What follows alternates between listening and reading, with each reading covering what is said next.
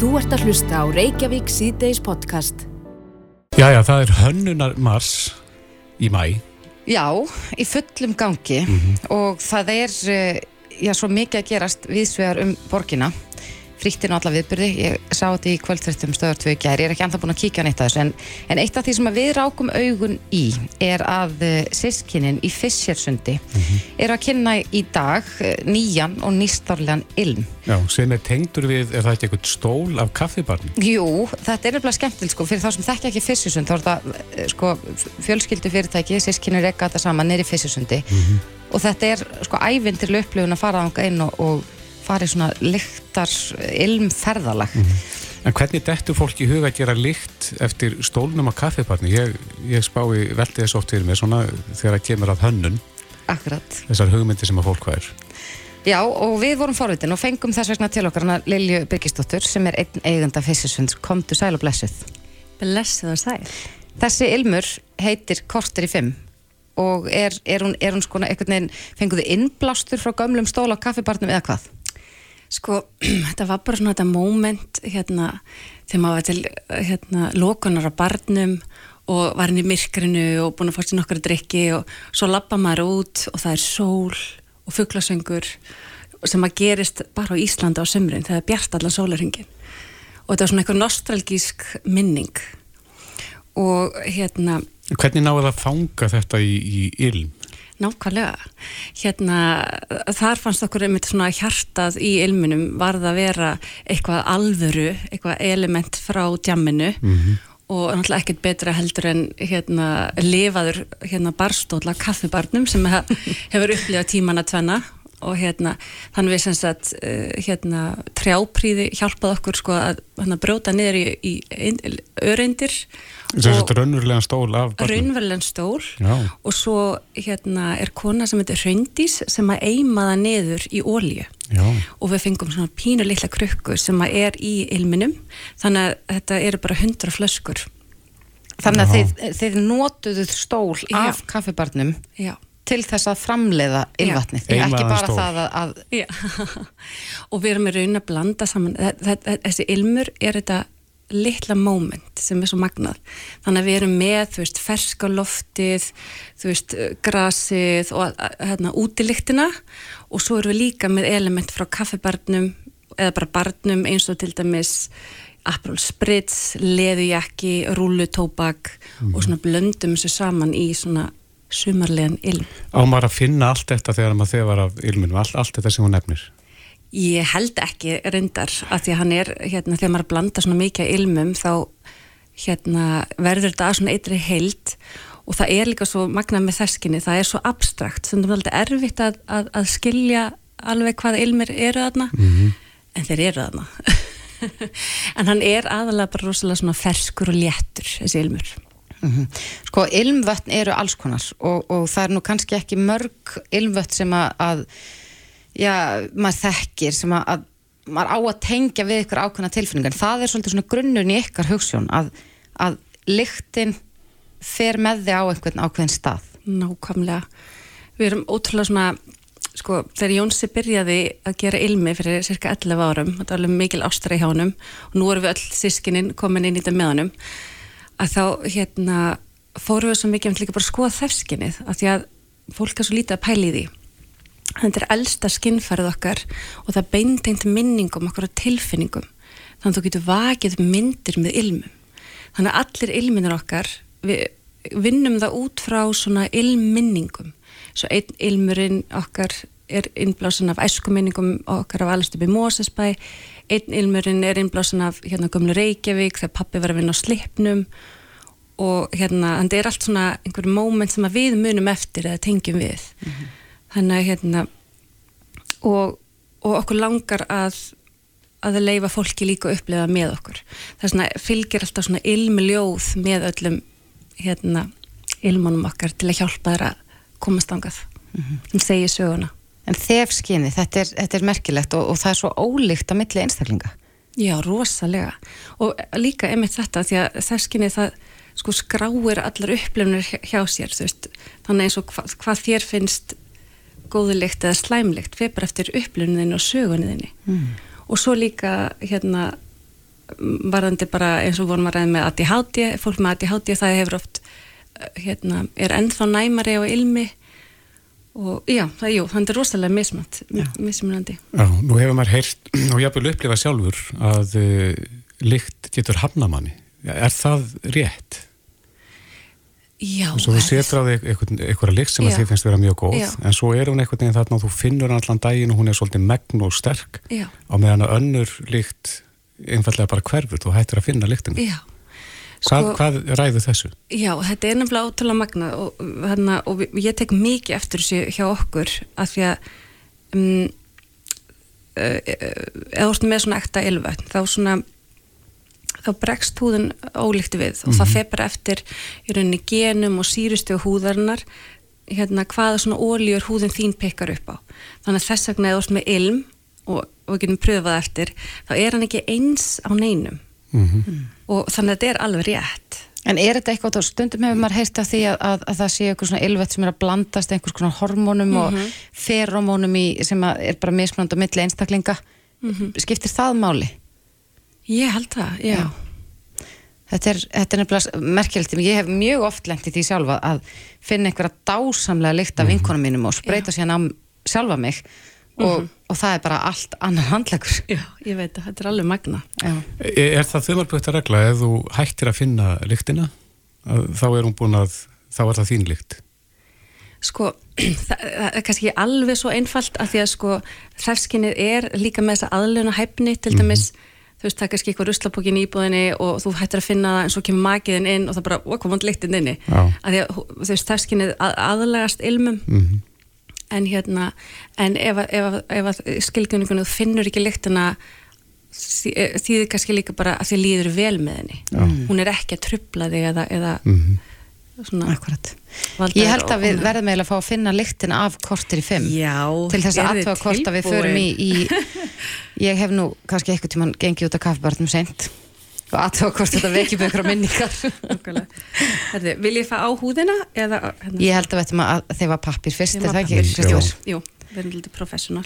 Ég, En þetta er líka skemmtilegt nafn vegna þess að þetta er svolítið, svolítið sér íslenskt. Já. Já, Ég var endur ekki mikið á kaffibarnu, ég var að viðkjöna það þannig að það er spurning. Þetta er dásamlegur ilmur og sömarlegur Já, á ég lesa fyrir ykkur ljóðið? Endilega. Á meðan við þefum. Já, Já nú lokið augunum mm -hmm og þefið.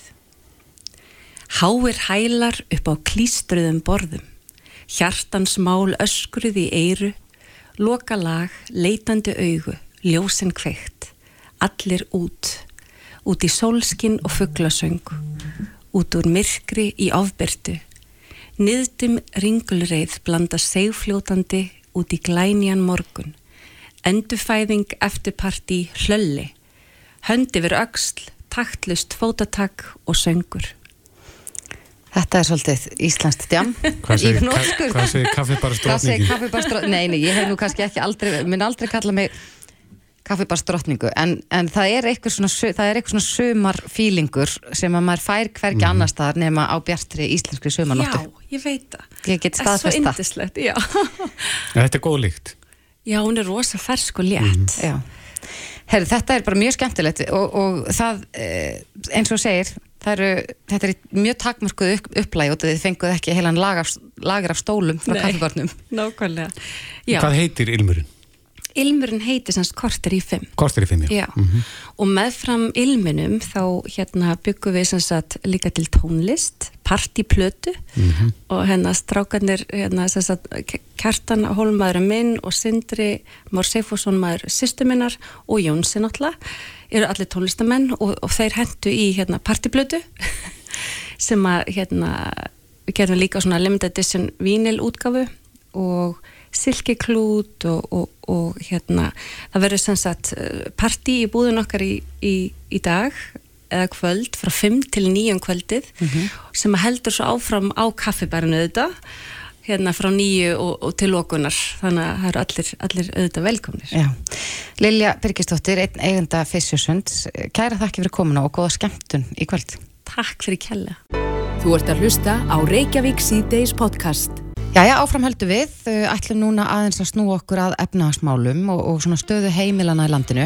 En uh, niðurstöður könnunar vörðu sem er rannsóknarstopnun vinnumarkaðarins voru kynntar núna í gær og uh, þessi rannsókn og þessi könnun öll heldur sýnir að næri helmingur fólks á erfitt með að, ná endum saman og það fjölgar í þessum hópa mill ára.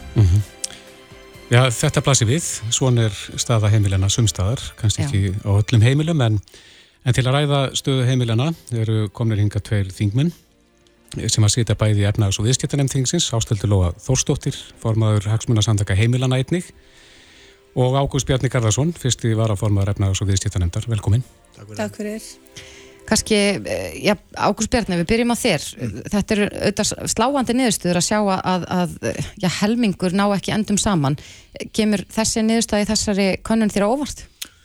Uh, nei, hún gerir það í sjálfu sér ekki. Uh, Við auðvitað vitum það, að bara í ljósið þess ástand sem hefur verið, að það er að þingjast bara byrðarnar hjá fólki. Það er hérna, með þessum vaksta hækkunum auðvitað og við sjáum bara allt vera að hækka, lán, hérna, húsnæðislán og, og við sjáum matakorunum hækka, við sjáum tryggingarnar okkar hækka, við sjáum bensínverðið hækka. Og auðvitað hefur, hefur hérna, þetta áhrif á heimilisbókald hjá hinu venjulega fólki. Uh, og við sjáum það líka í, í þessu að, að, að það eru einstæðu fóreldrarnir sem eru kannski að hafa fara verð út úr þessu uh, og það er auðvitað þróun sem við þurfum einhvern veginn með einhverjum hætti að, taka stáfið uh, en þetta kemur auðvitað ekki, ekkert, ekkert sérstaklega óvart en við þurfum eins og hefur verið kallað eftir uh, að bregðast við þessu ástandi og við þurfum að gera það hratt. En mikilvægsta verkefnið auðvitað í þessu og það er verkefni okkar allra er að ná verðbólgunni niður. Og þegar við náum henni niður þá munum við sjá ástandi batna og, og hérna og svona he, stöðuna uh, jafna sig Mm Ástöldur Lóa, þessi hópur fyrir stækkandi, þar að segja þeir sem að eh, ná ekki endum saman um hver mánaðamót. Uh, hvað segir þú með, með stöðu heimilana? Hvað er þetta að gera til þess að, að hjálpa þessum hópi? Ég held bara fyrst og fremst að þurfa að hækka þessum, hækka þessum gengdalusu vakstarlækkunum og og koma hérna böndum á legumarkaðin með legubremsu. Til dæmis bara það myndi gera alveg gríðarlega mikið vegna þess að ég held að það sé ekki spurning og það er ekkit spurning menn að húsnæðisliðurinn er að hækka kostnæður húsnæðis er að hækka og það kemur beintin í vísutölun og hækkar, hækkar hérna leiguverðið, nei fyrir ekki að hækkar hérna verðpólkuna. Þannig að hérna þessar vaksta hækkanir og, og allt sem þeim fylgir vegna þess og það er í rauninni valda til líka leigan hækkar og, og allt þetta að þetta er í rauninni bara að fara að býta í skottið á sér og hækka verðpólkuna og við þurfum að fara að finna leiðir til þess að berjast við þessa blessuðu verðbólgu eða bölguðu verðbólgu, hvernig sem við erum orðað það að hérna sem eru aðrar heldur en að bara nýðast svona heimilum landsins vegna þess að það er bara það sem að verið er að gera. Það er verið að, er, bankarnir eru núna, þeir lána alveg bara, fel, bara mjög mikið og, og hérna eru þar með að auka peningamækni umferð, það er ekki verið að koma böndum á það, ég held hvað fjórða hver króna var til bara núna hérna, sem er í umferð var til núna eftir að COVID hófst, okkur er ekki búið að koma böndum á það og okkur var það ekki gert bara löngu fyrr? Ég meina það eru alls konar svona hlutir sem að hægt, veist, það er hægt að gera alls konar en það er bara að fara í beinti þetta er bara svona eins og auðlýsingarna frá Vaffer. Eigum við ekki bara að hækka stýrivextina? Veist, það er bara lausnin við öllu. Og svo sýnir það sig að þetta er engin lausn, vegna þess að þar fyrir utan þá beitnar þetta fyrir utan það sem ég búin að nefna. Þá er náttúrulega líka fyrir þetta beintin í kostnaðin hjá fyrirtækjanum, húsnæðiskostnaði þeirra hækka, hækkar. Og hvert haldið, hvar haldið að þið náið þetta fyrir? Að sjálfsögðu beint út, út, velta þess út í verðlæðin til þess að ná í þetta tilbaka. Þannig að þú veist, þetta er bara, þetta, þetta er bara svona einhver mantra að við þurfum að hækka vexti og hækka vexti og ég veit ekki annað en að verðbólgan sé bara búin að hækka og hækka síðan byrja að vera að hækka vexti. Þannig að kannski að við ættum bara að hætta að berja stöðun, hérna, höfðinu við steinin og, og fara að, að hérna, grípa til annara aðgerða og, og hérna, en annað er það að Sælabankastjóri Evrópu hefur hérna, sem sælabankstjóri Evrópubankans Kristín Lagarde hefur látið hafa eftir sér að þessi verðbólka sé þannig sam, samsett að hún muni lakka hvort sem bankarnir hafa ekki vextið ekki. Og við skulum ekkert gleyma því að 10% verðbólka sko ef að ég hef 100 skrónum á mánu þá kostar 10% verðbólka með 10 skall ef að ég veit 500.000 þá kostar hún með 50.000 þar sem við skulum bara segja, hún kostar heimilin cirka 30.000 bara svona ef við tökum bara með, meðgildi þarna og eru við að reyna að berjast við hana með því að hækka e, útgjöld heimilisins stærsta póstin þeirra, póstin sem þau geta ekkert gert við eða ráði við eða hagrætt í eða neitt um 200.000 krónur á mánuði til þess að berjast við 30.000 krónur.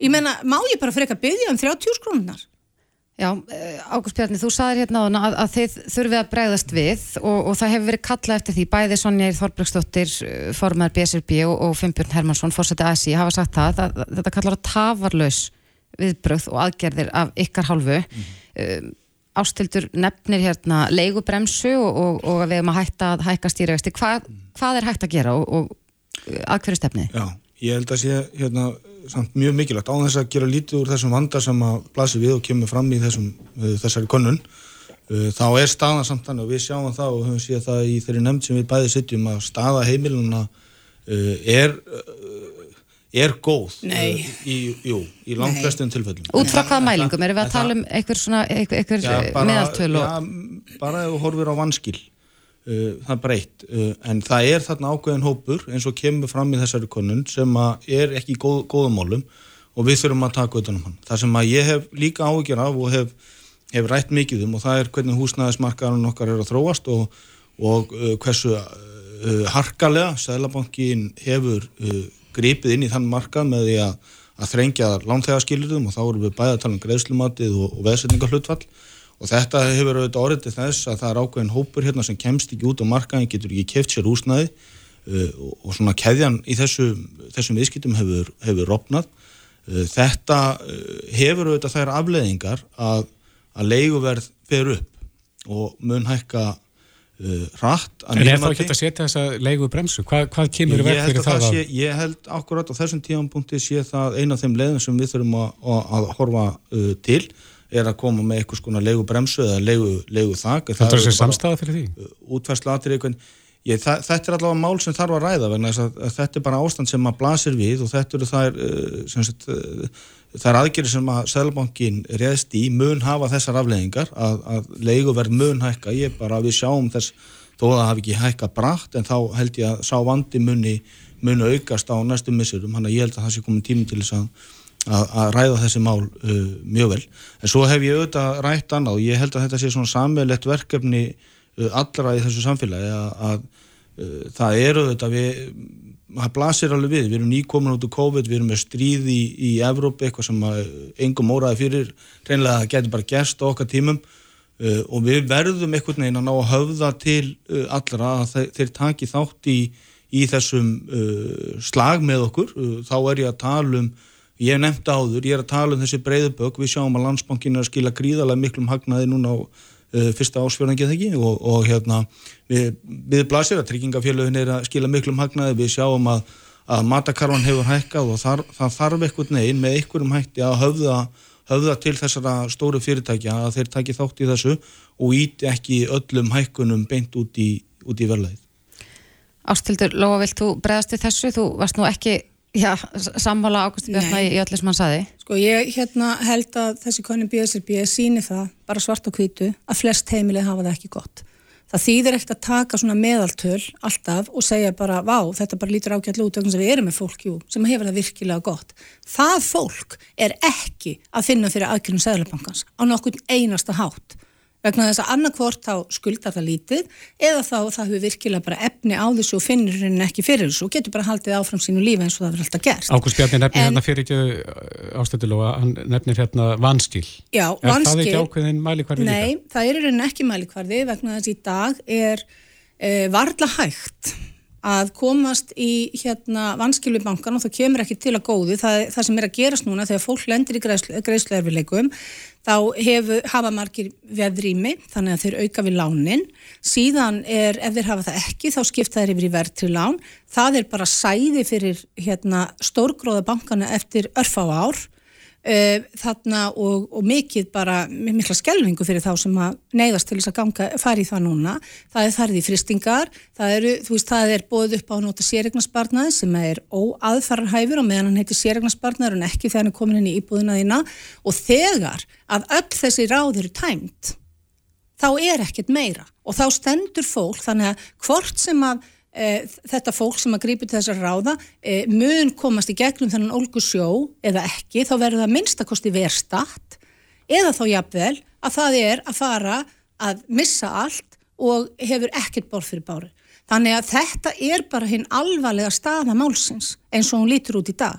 Þannig að vanskilja böngum segja í rauninni ekki neitt. Annað er, uh, Inga Sæland og flokkur fólksins lögðu fram frumvarp um leigubrams í gær. Það síndi ekki nokkur einasti flokkur því áhuga. Það voru bara þarna, flokkur fólksins sem að talaði í þeirri umræðu og ég vona bara þá að það veri bara tekið höndum saman um það frumvarp og hérna Þú heyri Ágúst Bjarnar hérna, hann er, hann er opið fyrir þessu. Já, segir hann, við skulum þá bara sjá hvernig ákvæmstan á þessu fer fram inn í, inn í nefndum, vegna þess að inn í nefndinni, það sé ekki velferðarnemnd sem þetta fer inn í þar sem að, hérna, þar sem að flest mál stjórnarnarstöðunar eru svæfð. Um, sko, þú veist, og standa saman í þessu. Mm. standa saman í þessu hver? Landsbankin M1 hann er að tvöfald að hagna sinn á fyrstu þremi mánuðum ásins, hvaðan haldi þessi peninga komi Þetta eru vextinni sem við erum búin að vera að borga. Til hvers og fyrir hvern? Þetta er einhver stærsta eignatilfærsla sem bara hefur átt sér stað í ára tíi, allavega frá hrunni, frá, frá heimilónum til bankana. Og þetta bara er látið bara svona, ú, eins og þetta sé bara þið besta mál af því að við erum að berjast við verðbólgu sem er bara verið afsökunin fyrir öllu. Og verðbólga Þetta er verðbólga sem að hérna, við í rauninni getum ekkert haft svo óbúslega mikil áhrif á, ég menna við erum ekki að fara að hafa hækkun á álegum á heimili, íslensk heimili er ekki að fara að hafa áhrif á kveitiverð út í löndum. Þú veist það er bara ekki að fara að hafa áhrif á það. Mm -hmm. og, og hérna það, það er hérna, við erum kom, bara komin í eitthvað, eitthvað, eitthvað rött þarna, ég veit ekki hvernig ég orðaði, bara eitthvað svona far og það er bara haldið áfram og haldið áfram þó þetta sé alveg augljóslega bara leið okkur til glötunar. -hmm. Eitt af því sem þú myndist á áðan áspjarni var, var staða einstæðra fóreldra vegna þess að samkvæmt þessari könnuna þá eru það einstæðir fóreldra sem að ég bara sá hópur sem stendur langt vest og, og uh, eiga enn erfiðara með að ná endum saman. Mm -hmm. Myndi það koma til greina að, að stiðja einhvern veginn sérstaklega við þann hópi eða hreinlega bara við barna fjölskyldur? Já, algjörlega og ég hefna kannski fyrst fæði aðeins að bregðast við því sem ástæðan nefndi hér á hann vegna þess að þetta er alveg rétt. Það er, það blasir alveg við að þeir einstaklingar og, og, og þar fjölskyldur sem nýttu sér hérna, þetta lágasta tímabilið sem maður kalla fóri í óværitri lán að þeir sér, það, þeir einstaklingar, þær fjölskyldur hafa sér gríða miklar hækkanir á, á sínum lánum og hafa þetta þessar leiðir sem ásta nefnir hér réttilega. Uh, en það sem þú nefnir Þúrdís að, að þá eru það einstæði fóröldar sín nefni og, og það er tæplega fjórðungur sem býr við efnislegan skort um þessa myndir og fast að þriðjungu þeirra getur ekki greitt kostna vegna félagslíf barna sinna.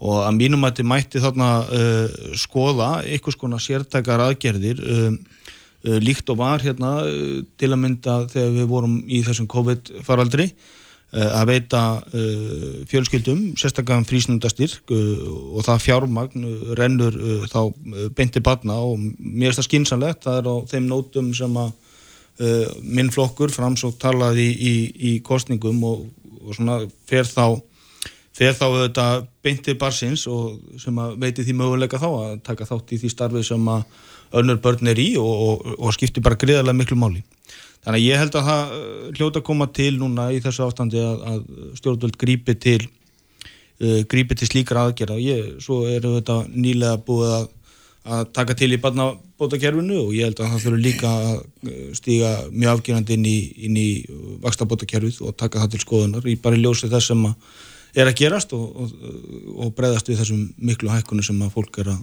að fá í fangið. Já, E, mér langar aðeins að koma inn á þetta. Það er náttúrulega óbúslega erfitt að vera á móti því að fólk fái bætur þegar að staðan er eins og hún er. Fólk þarf að fá, já, batnabætur, vakstabætur, húsalegubætur og allt til þess að lifa af í þessu umhverfi. En það er eitthvað rosalega skakt við það, enguða síður, að við skulum vera að láta fólk borga e, þessar háu upphæðir til banka, já, eða legufélaga sem að hyrða hagnaðina þessu fyrir sig og svo kemur ríkið og bætir þetta upp.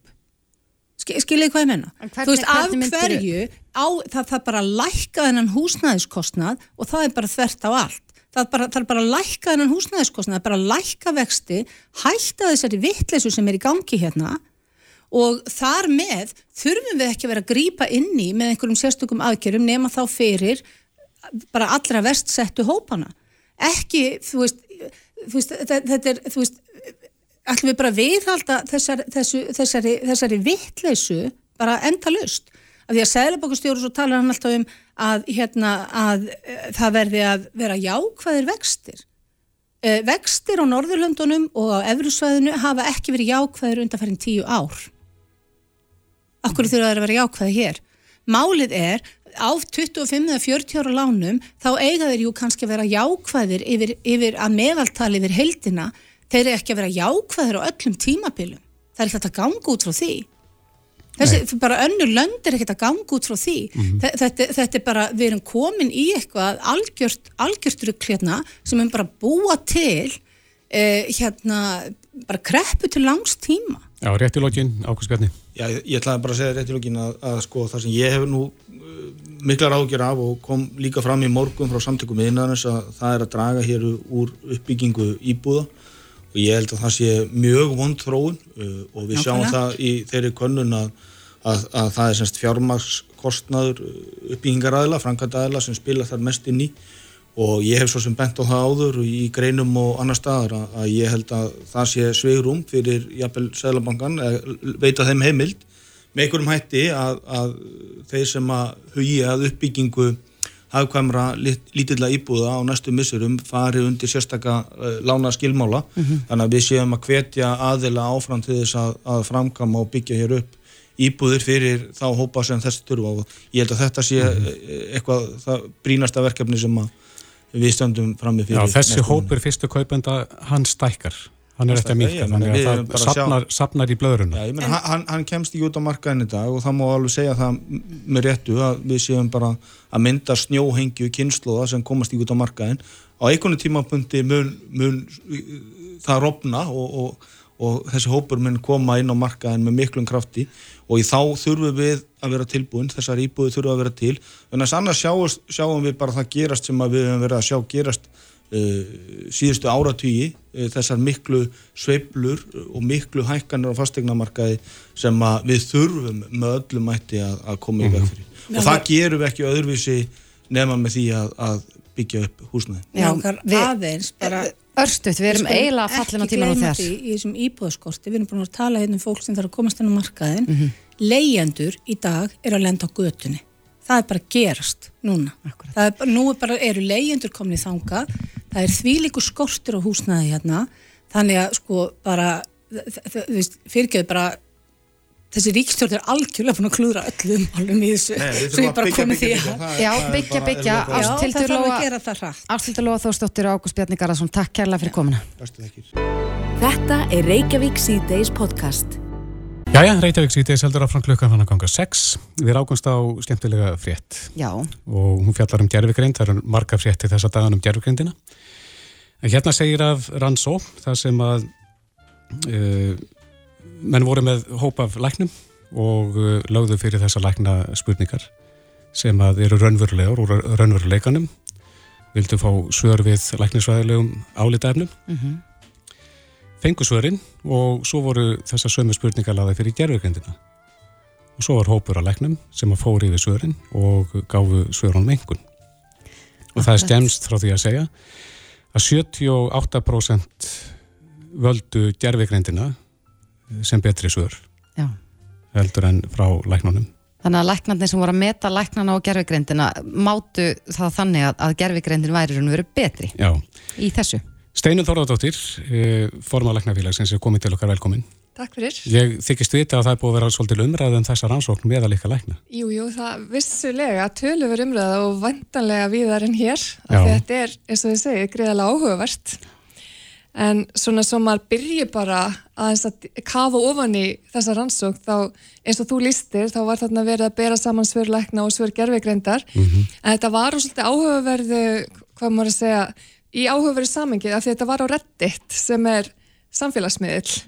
Þannig að þetta er náttúrulega kannski ekki ef maður horfir á samskipti læknis og sjúklings ef að þú ert að senda þínum heimilislækni segjum skilabóð eitthvað slikt eitthvað um lækni sem er með þig í meðferðarsamband og þekkið þig. Þetta er ekki alveg það sama, þetta er náttúrulega svona bara random spurningar þar sem random læknar svara. Akkurat. Þannig að maður getur ímyndað sér að fólk sé kannski ekki að gefa af sér alveg jafn mikil gæði í því samingi eins og það myndi gera við sína sjúklinga en þetta er vissulega samt sem að það er mjög áhugavert. Mm -hmm. og svör gerfigrendarinn voru með þetta því að verðist sko síndu meiri samkant mm. voru mannlegri? voru mannlegri sem er alveg í rauninni ótrúlegt. Og þess að segja, gríðalegur skellur fyrir læknastétuna, það er fyrir að segjast. Þannig að, og þau voru líka miklu lengri þau voru alveg sko 5 sinum lengra ef ég maður rétt. 50 orð versus 250 al meðaltali. Mm.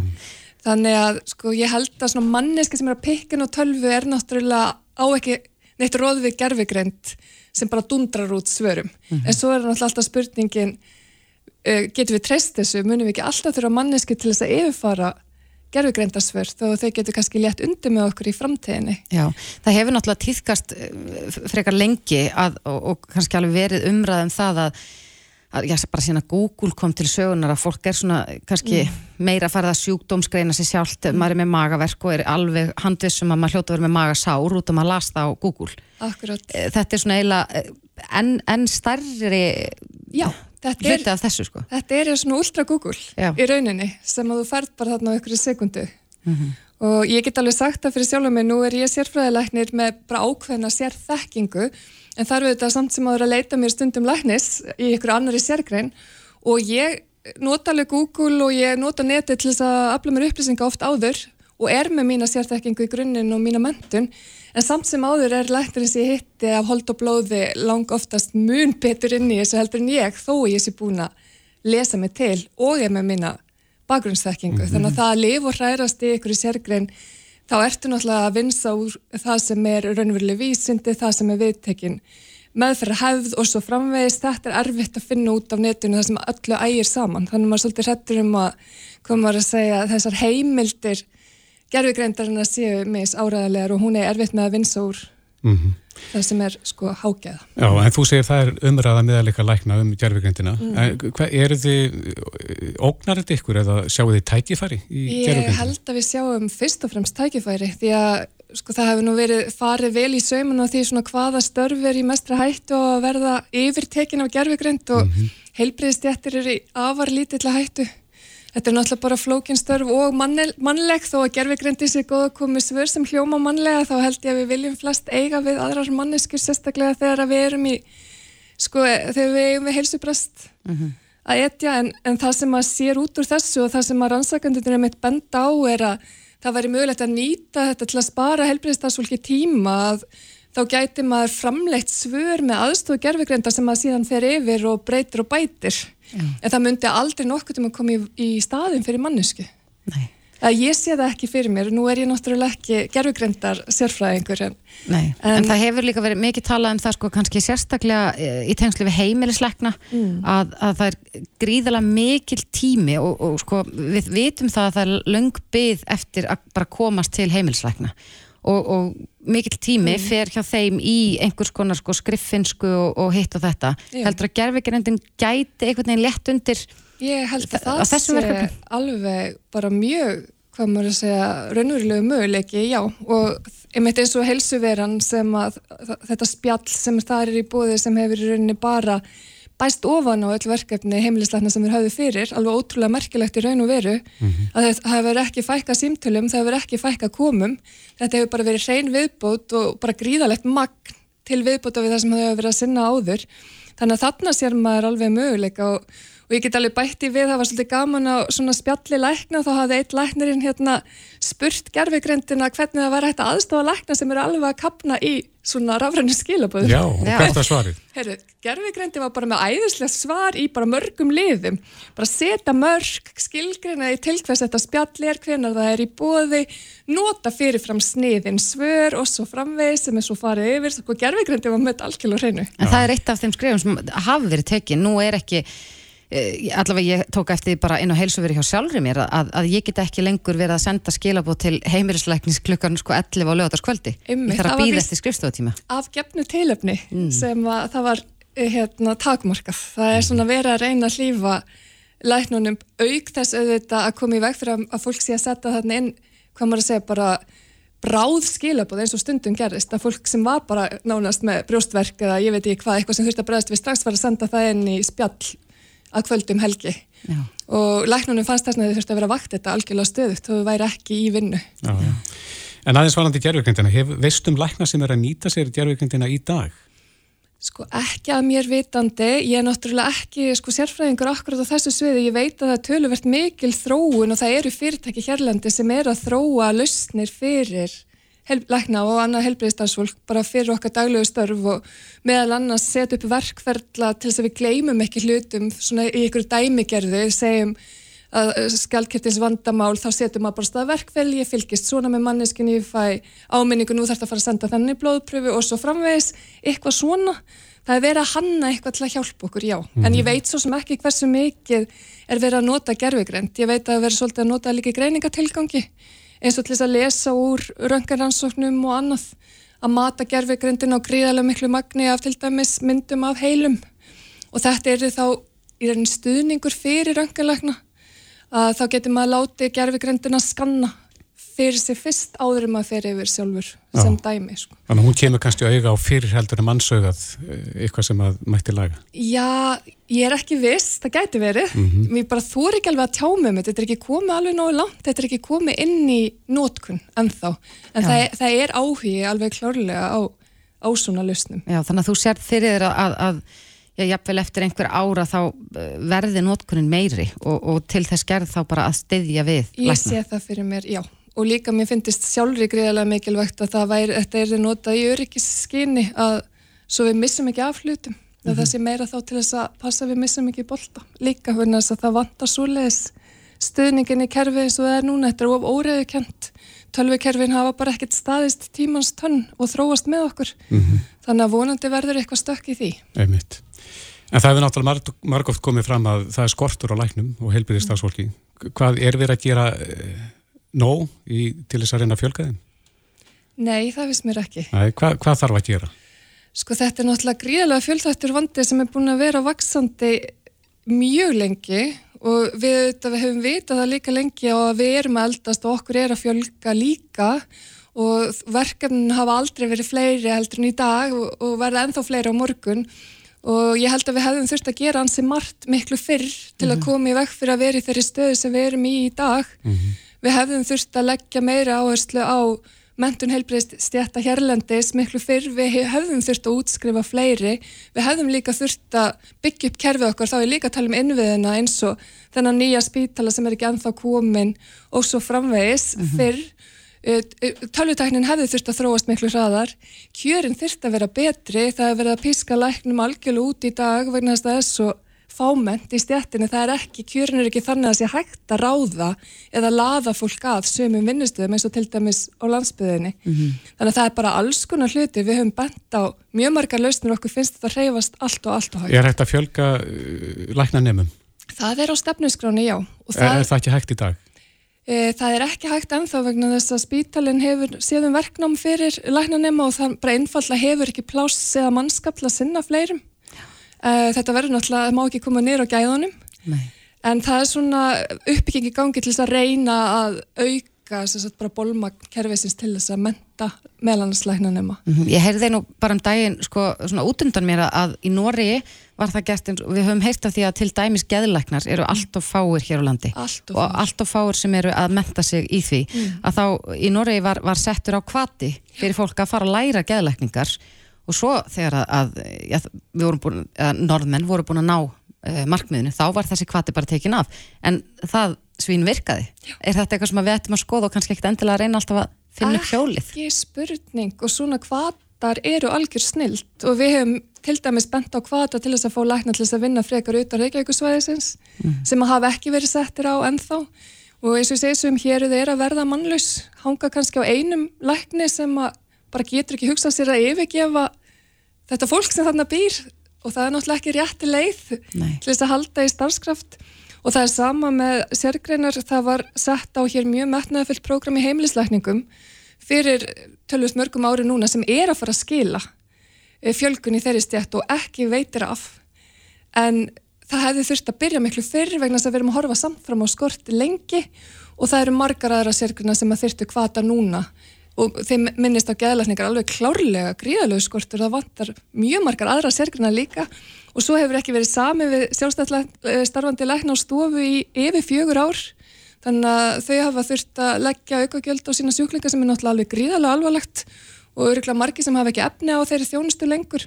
Og það náttúrulega bara myndar líka álega annar staðir í kerfinu og svo framvegs þannig að það er svo margt sem að þarf að laga.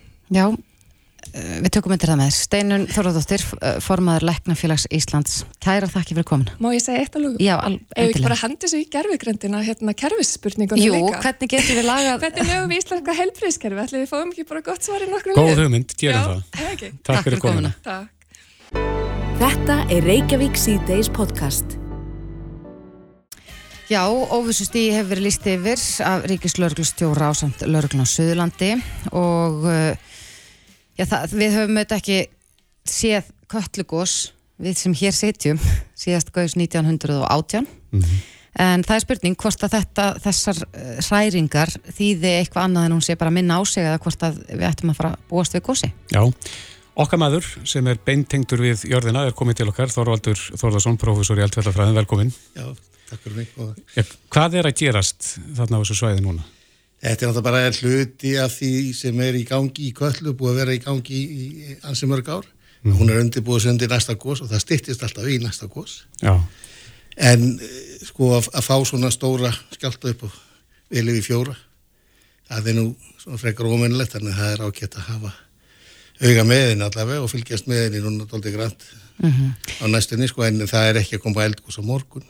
Nei, Nei. en þetta er, ég held nefnilega að, eh, já, almenningur eh, sé kannski með svolítið annað tímaskinn heldur en, en, en þið sem að lifið og hærist í þessu vegna þess að, að þegar við heyrum fréttir af því að það gæti gósi þá hugsaum við bara já ok, dag eða næstu viku en, en þetta gæti verið eftir einhver ár eða hvað? Það er alveg möguleiki sko og það, það getur verið þess að þetta er tíu ára. Já. Við, við, við vitum ekkert um um þann tímaskala og mögum ekki gleyma því að þetta er fyrsta skipti sem við erum að fylgjast með köllu að undirbúa sem til gós með nútíma mæltækjum, mm. því að það góð síðan 1918 og við vitur raun og verið ekkert um aðdraganda eldgós í köllu nema svona mjög, mjög grófun þráttum við veitum ekki hvernig hún býrs, undirbýrs í, í, í smáadröðum. Hvað segir sagan? Hvað við hverjum eigum við búast þegar hún fer að stað? Það verður, yfirleitt eru köllugósi þannig að það verður uh, svona sprengigósi upphafi sem býtir búið til gjóskufall. Sem að staðar flug? Það gæti hugsalega trubla flugum fyrir því eitthvað tíma. Mm. Yfirleitt er aðal sprengi fasin, þess að mest í hluti hans, að hann er yfirleitt aldrei nema kannski svona 1-2 dagar. Síðan fyrir að draga úr gósinu. Já, það fylgir þess að mikið öskufall. Tölu, geta fylgt í töluföld öskufall og þetta eru svona með þeir svona, eh, já, hvað ég segja, meðalstór og upp í stór svona gjóskugós, eins og, eins og sagan kennur okkur hér og það getur dreist aska víða um land en ekkert að þessum valda meiri hátt að skada óþægindum, mm -hmm. ekki, ekki nokkuð spurning mm -hmm. og þetta getur þú sitt, sko, gósbökkurinn ef hann er að fara upp í 20 kilometra uh, svona 15-20 km í byrjun gós og þá mun hann hafa áhrif á flugumferð. En síðan dregur úr gósinu og þá dregur úr þeirri hættu líka. Svo náttúrulega er þessi jökullöf sem koma með þessum eldgósun líka. Og þau koma yfirleitt niður fyrsta daginn og, og, og geta verið ansi mikil en þau eru afmarkast við Mýrdalsand Já, er vita hvaða leið það færi? Það fyrir eftir hvar gósi kemur upp í. Mm -hmm. hva, í, í, í öskunni, það er alveg stóra askja í toppinum á, á kollu mm -hmm og hérna ef að eins og hefur gerðan verið núna á sögulegum tíma það hefur sagt, gósið austast í öskunni. Svona í það nokkur veginn í suð-austur hodninu og þá fer yfir þetta vatni niður Kallujökulinn og út á Mýrdalsand mm. en ef að, til dæmis gósið óleiklega er það að það er því norðaustan, norðvestamegin þá getur það að fara niður emsturnar og, og, og nýri hérna, marskaflút og, og það nýri sjó. Mm -hmm. En, en eh, getið þið staðfesta hvort að um sig að ræða sko eitthvað kvikurhefingu eða mögulega vatn eða annað, ég sá það nú hérna í fréttum að, að þetta tengist líklega frekar vatni og jarðhitta heldur en kvikurhefingu, getið þið sannreinda hvort það er? Svona stóri skjáltar eru hérna e, ekki tengti vatni eða, eða, eða ís sem hreyfing á ís mm. þetta er á stóri skjálta fyrir það þannig að þetta, og það, ef ég er með þetta rétt að þá held ég að hafinn að verða á svona cirka 5 km dýpi með það sem að, að, að veðurstofan var að setja fram á, á, á hérna, skjáltalýsinni mm.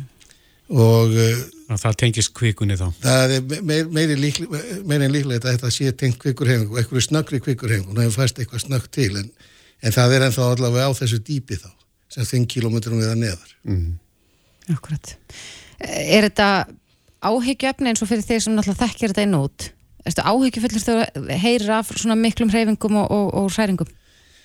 Kanski ekki sérstaklega áhyggjufullur nema það að ég svo sem ekki að hérna kalla eftir eldgósi sko En það, það mun gerast fyrir það síðan? Já, já, það gerist fyrir það síðan og það má alveg dragast aðeins lengur og langin en því fylgir náttúrulega líka kannski svona annar akkilesar hægt eftir því sem lengra verður á milli gósa því meiri líkur er á, á stærra gósi Það er kröftugra Já, og mm. kröftugra þannig að, að, að þetta er svona við viljum ekki hafa hérna, byðin of, oflanga og uh, við vitum það líka að, að köllu kerfi sjálf það hefur búið til mjög stóra, hérna, stóra eldgós og, og það síðasta var það sem var í Elgjá það er stærsta eldgós á hérna sögulum tíma á Íslandi. Mm -hmm.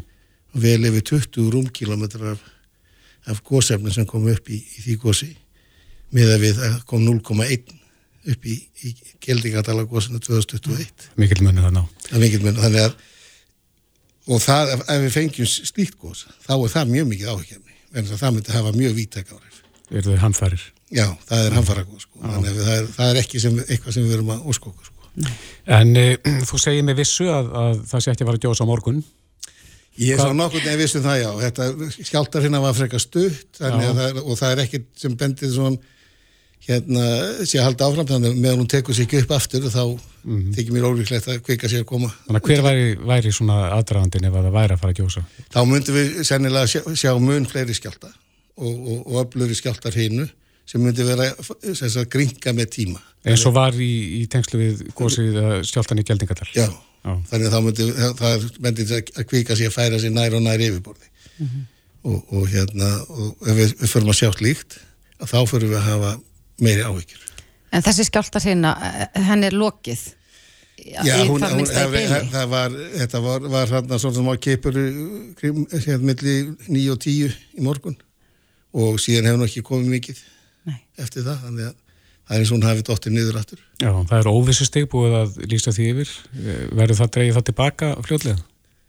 Það má alveg búast til því þannig að verður viðstofan náttúrulega að svara fyrir það en það, en það er ekkit sko óskýrslega að gera þetta verðin að, að út af þessu stóru skjáltan. Mm -hmm. Þannig að það er raun og veru bara færið þetta eins upp um eitt stík bara raun og veru segja við þurfum að fylgjast með og hafa varan á.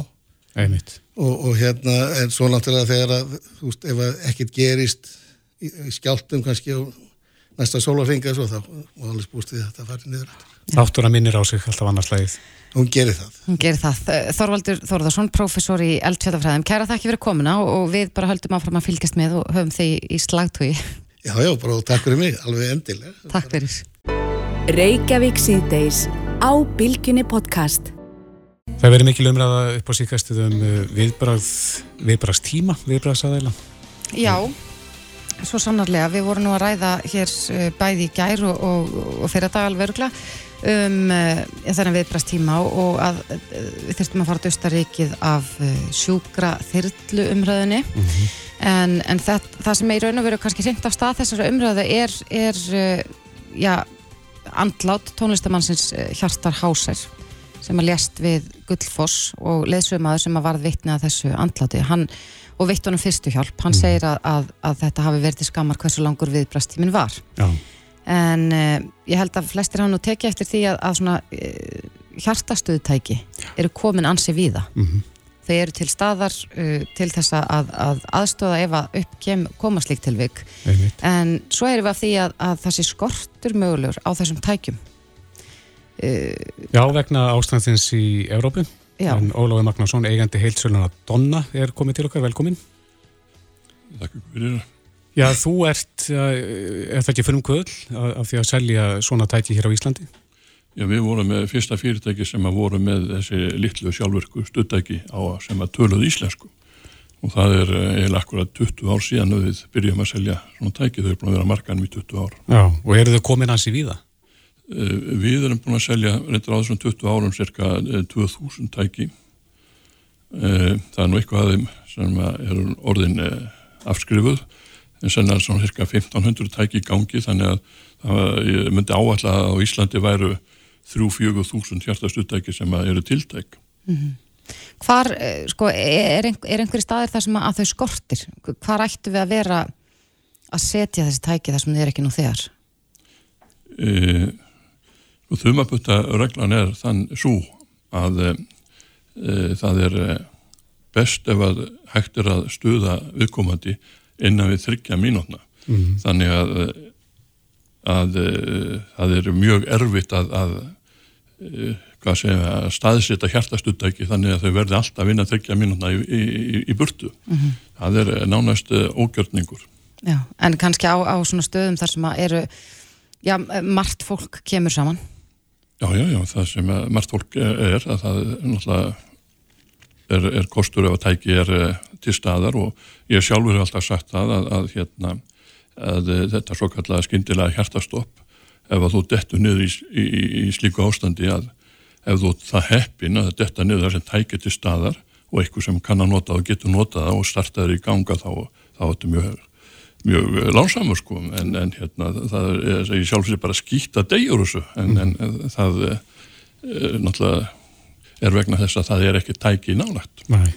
Var aðeins yfir hérna hvað gerist? Það fyrir ykkur hjartastopp og þetta tækir inn að seilingar. Hva, hvaða ferli fyrir í gang? Já, sko ef að hérna þú færðu hjarta áfalli, þetta er svo kallega skyndilega hjarta stopp, að eh, fimm sekundum eftir að það gerist að þá dettur niður meðvindunarlaus. Eh, Eftir 20 sekundur þá getur heilin farið að verða fyrir áhrifum og eh, ef það er þetta stuðaði í gang innan eh, þryggja mínútna þá eru um 70% líkur að þú útskrifast að sjúkrahúsi. En lífslíkurna það minka um, um uh, næstum 10% á mínútu. Þannig að ef það er ekki búið að stuða þig í gang eftir 10 mínútur að þá er nánast útlöka að það sé að stuða þig í gang. Já. En uh, ef að hjartastoppi er út af blótappa í hjarta eða eitthvað annað þá er hugsanlega að, að, að hjartanóði það lengi þennan tíma og hjartanóð er náttúrulega gott hjartanóð að það uh, lengir og, og, og, þennan tíma og, og kemur í veg fyrir að heilin verði fyrir einhverjum áhrifum. Slæma. En þessi umræða sem hefur verið í gangi núna tengist nú kannski ferðamannastöðum og viðbrastímum, viðbrast aðila, já svona út fyrir höfuborgarsvæðið og út á landi. Um, er mikilvægt að, að svona tæki séu til taks til dæmis á mjög vinsarum ferðamannastöðum eða jafnvel bara í, í aukotækjum sem að er útum? Uh, já, uh, því víða sem að tækin eru, þess meiri líkur er á því að, að, er, uh, að, að mannu veri bjargað og við höfum selt hjartastuttæki í, rútur og þau eru náttúrulega komin í alla flugvilar og við höfum selt hjartastuttæki það er nánast í öllum stærri skipum mm -hmm. allir, allir lauruglubílar á landinu eru með hjartastuttæki frá okkur og þetta er mjög víða og, og hérna þetta hefur verið jafn og góð sali í þessu. Hvernig með sumabústað? Er fólk að kaupa svona í, í bústaði? Einstaka aðili hefur hérna keift tæki í sumabústað Mm -hmm. því að ef þú ætti að byrja sumabústað og farði hjartastoppað þá er nánast útlokað að það sé hægt að bjarga nema að hjartastuttæki sé eina selingar. Já, en fólk þarf ekki sérstætt prófa á svona tæki eða leysögn, hvernig virkar það? E, það, er nú mælt með því að menn læri á, á stuðtækin sko. en e, samkvæmt hegningarlugunum okkar þá berðir að koma til aðstóðar ef að mm. e, einhver hefur þörf á aðstóð og það hefur verið tólkað þannig að ef að hjartastuðtæki er til staðar og einhver þarf á því að halda að þá berðir skilda til að nota það hvort sem kant á það eða ekki. En það svona leiðbeinir fólki gegnum ferlið þetta ekki tæki sjálft? Jú, við höfum nokkur dæmið það að, að tækin hafi verið notuð af, af leikmanni sem hafði ekki lært á tæki og við höfum fengið uh, mjög uh, hvað maður segja, góð viðbröð við því að aðeinar hafa sagt okkur að tækin leið, leiðbindum stíg fyrir stíg í gegnum hvað þeir átt að gera og mm. menn voru mjög ánaðir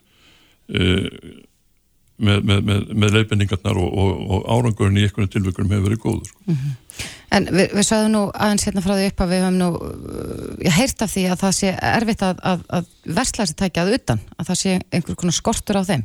Er, er það rétt? Eh, það er bara í, hvað maður segja, augnablikinu má segja sko, tækjan hafa alltaf verið fáanleg en út af þessum íhlutaskorti sem er í heiminum og fyrirtæki hafa verið með þessa stefnu að, að, að hérna, vera bara með í hluti eins og við segjum einsku just in time hefur orðið til þess að, að byrðir framleganda hafa verið litlar og, og síðan þegar kemur hík á, á, á byrðarleðinar og framleysluna að þá e, fara ímsegi hlutir úr skorðum og sem hafa orðið til þess að að e, byrðtíma eftir, eftir afgjörslu hefur lengst úr nokkrum dögum í einhverjar vikur.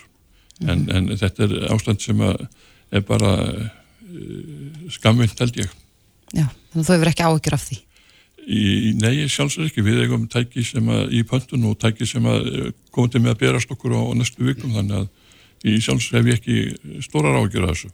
Nei, en gott að vita þessu tækjum og að þau séu til staðar á fleiri og fleiri stöðum. Já, það maður sko kannski geta þess hér að, að hérna uh, okkar fyrirtæki í sambandi við seljendur á hjartastuðtækjum viða um heim mm -hmm. höfum komið upp vefsíðu og appi sem heitir uh, vefsíðan heitir uh, Citizens Save Lives og appi heitir Sísali og ef þú hleður niður þessu appi þá getur þú séð nú, núna hér á Íslandi staðsetningu á um, um 1000 hjartastuðtækjum Já Já, þannig að maður veit hvert maður áleita ef maður eh, er í þessar stöðu. Já. Já, þetta er áhugavert. Ólafur Magnússon, eigandi heldsölunar Donna. Við bara þökkum þér kærlega fyrir komuna. Takk fyrir fyrir. Hlustaðu hvena sem er á Reykjavík C-Days podcast. Það er ótt að segja að það hefur orðið sprenging þegar kemur að e, vörum sem eru unnar úr hampi. Já, við hefum oft talað um, um svona hérna ímsu ánga uh, þess efnis og nú er, er rosalega mikil gróska í CBD-málum. Mm -hmm. Óljur sem að, já, eru ætlar held ég til þess að bera á húðuna, einhver er að ymbirðana, svo eru alls konar krem og ég veit ekki hvað hvað. Þetta var vera allar meina bót. Hlustendur bylgjunar hafa tekið eftir því að hilsuara vikunar þessu sinni er frá CBD Reykjavík. Akkurat. En hann er stærstur í okkur, Arþór Haugdal Rúnarsson, framkvæmdastöri, sévitir Reykjavík, hvað er sæl? Sælabless. Já, þú lítur að taka undir það með okkur að það er mjög margt búið að breytast á já, stuttum já, já. tíma. Þetta hefur gerst mjög hratt þegar, að, þegar við erum að byrja fyrir einhverjum árum síðan að þá var þetta voðalega svona mikið feimnismál hjá mörgum og, og svona, maður þurfti svona sannfara fólkgeilum um virknina. Mm -hmm. Í dag eru við að fá til okkar fólk sem er sendt til okkar að leiknum. Já, já, er það svolítið? Það er bara þannig.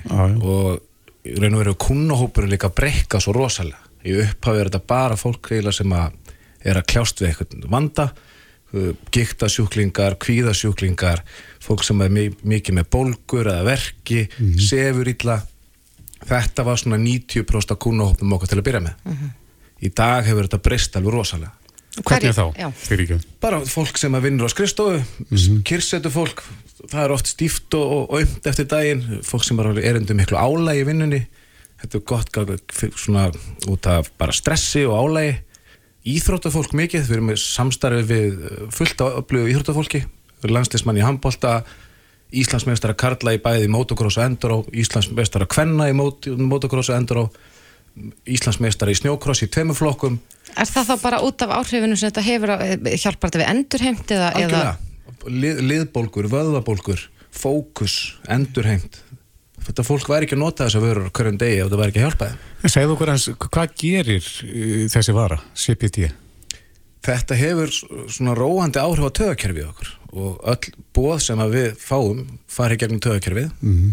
og þetta hefur bólgæðandi áhrif og þetta svona hjálpar okkur að halda niðrið þessum litlu leiðenda bólgum sem oft myndast bæði vöðum og liðum gikta fólk er mjög hrifað af vörunum okkar bæði óljónum og vöðvólið kremið sérlega vinsælt mm.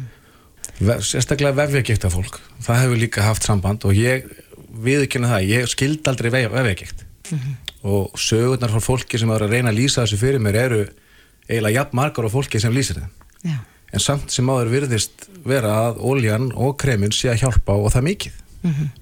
En, en sko bara til að taka allan vafa vegna þess að ég, ég veit sára lítið um CBD og, og uh, þetta er auðvitað maður tengir þetta einhvern veginn við um, THC, marihuana einhvers konar vímu, það, þetta er ekkit slikt, þú veist, þú ferð ekki inn að vímu af því að Já, nei, nei, nei, nei. þú getur drukkið tvo lítra á þessu og myndir trúlega að fá hörku niðurgang en hérna ferður ekki vímu.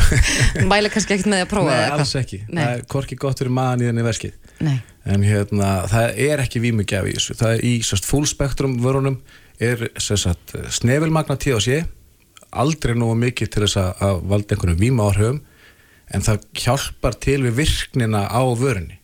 það Mm. verða svo kvöldu samlegar áhrif þegar að sem mest af vörunni fylgir með í gegnum framlegslu ferlið því meira sem við hreinsum og síum því minni verður virknin. En finnur það að þetta er ákveðin miskilningur en hjá fólki, að það svona einhvern veginn tengir þetta við? Það kemur fyrir. Það gerir það ónættilega en það löfblæðið er eins fólk tengir löfblæðið svolítið við cannabis en þetta er algjörlega ótengda vörur og öðru leitinu að því að plöntunar eru skildar en Já. ge, sko, kynið að genin á plöntun er gjör ólíkt Mm. Ég held að rækta þér. Ég er Já, að rækta þetta hérna. já, já, já, við bjóðum upp á blóm á síðunni hjá okkur sem eru ræktuð inn í berufyrði og svo hefur þetta verið ræktað líka náttúrulega utan þeirra mikið til. En kannski blómin sem verða til í íslenskri náttúru eru ekki eins góð og verða það trúlega aldrei. En innræktunin gengur vel Já. En þið eru núna að koma með ymsar nýjar vörur og, og ég hjó nú eftir því að þið eru að koma með sko vöru fyrir gælutir.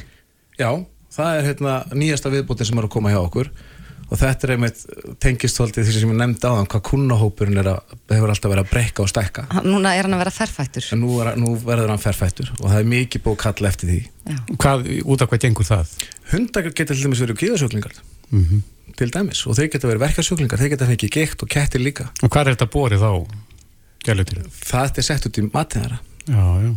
og við notum laxaolju sem, sem grunn. Mhm. síðan er CBD-inu bætt út í það.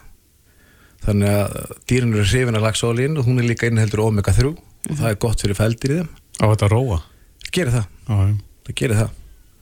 Og svo höldum við bara áfram að þróa. Það eru hundanammi í þróun hjá okkur og svo fyrir okkur mannfólki þá eru melatonin gummi að fara að koma hjá okkur þau innihalda ekki CBD en hérna það er ekki leifilegt eins og er en við verum tilbúin um leið og reglun, reglunum verður breytt þar Hverju þarf að breyta? Er þetta spurning um að flokka CBD sem uh, matvælin ekki lif? Já, þetta heitir Novel Food reglugerði í Európa-sambandinu og þetta hefur svolítið leiðið bara hann í skúfu þar í nokkur ár og, og, gerist lítið Já.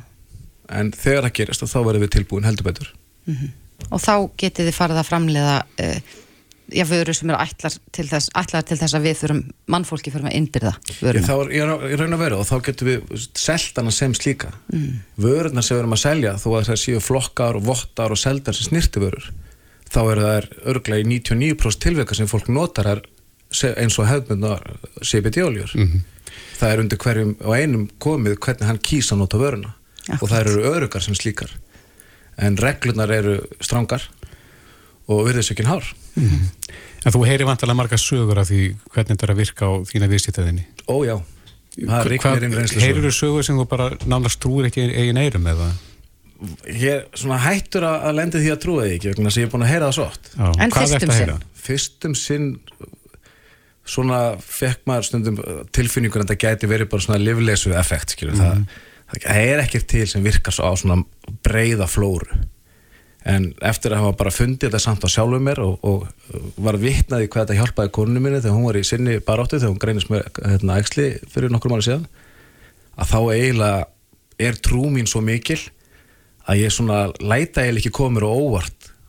Þó ég lofi engum árangri að þá er ég alltaf bjart sín Hvaða áhrif hafði þetta á, á konuna þegar hún var að, að berjast við hún veikindi? bara fór að finna fyrir svo miklum kvíð á þetta því að hún alltaf greinist með æxli í beini ung og, og hraust kona Mhm. og þá bara áfall og við vissum til að mynda meðan að vera að taka síni og greina og, og þýðinlíkt að þá náttúrulega hlýtur að taka rosalega á og óvissan og, og bara allt það sem þessu ríkala fylgir erfitt og þetta var bara ekkert konan sem ég hef búin að vera með í, í tíu ár og, þekkt og elskaði Mhm.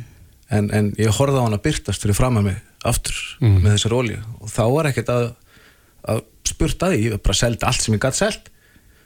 Tók nýtt húsnæðislán losaði mig gjössamlega allt sem ég gætt lauslega og setti aðlögunni að stopna þetta fyrirtæki.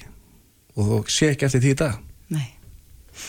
Heldur að, að uh, þetta verði sko þetta núna er búin að vera vitundavakning það, ég held að við getum nú alveg fullist það, það eru miklu fleiri farnir að tala um þetta, að nota þetta og lækna farnir að vísa sjúklingum til ykkar, Mhm. heldur þetta muni stækka ennþá meira? Já, alveg 100% alveg potið, þetta heldur bara áfram að vaksa og dafna. Og gerir það bara hægt og bítandi. En þetta er ekki lausn með öllu, þetta er ekki lif þetta er ekki meðal, þetta læknar ekki sjúkdóma. En þetta hefur hjálpað svo ótrúlega mörgum að fá bara að auka lífsgæðin sín. Ég hef fengið simtur frá fólki sem er grátandi í símanum eftir að hafa verið að berjast við eitthvað fjanda í mörg, mörg, mörg, mörg ár og svo allt í einu prófar að þetta og þess að segja, þetta er bara nýtt líf allt í einu getur að fara út á meðalflóks getur bara staðið upp úr rúmun og mótnana getur sint sínum skildum og störfum og, og bara trúið ekki að það skuli vera til svona löst sem það bara vissi aldrei af Já, svo sannlega fyrir fólk að prófa. um að gera Já. Arþór Högdal Rúnarsson hjá CPD Reykjavík, kæra þætti fyrir komuna. Takk sem leiðis Reykjavík síðdeis á Bilginni podcast.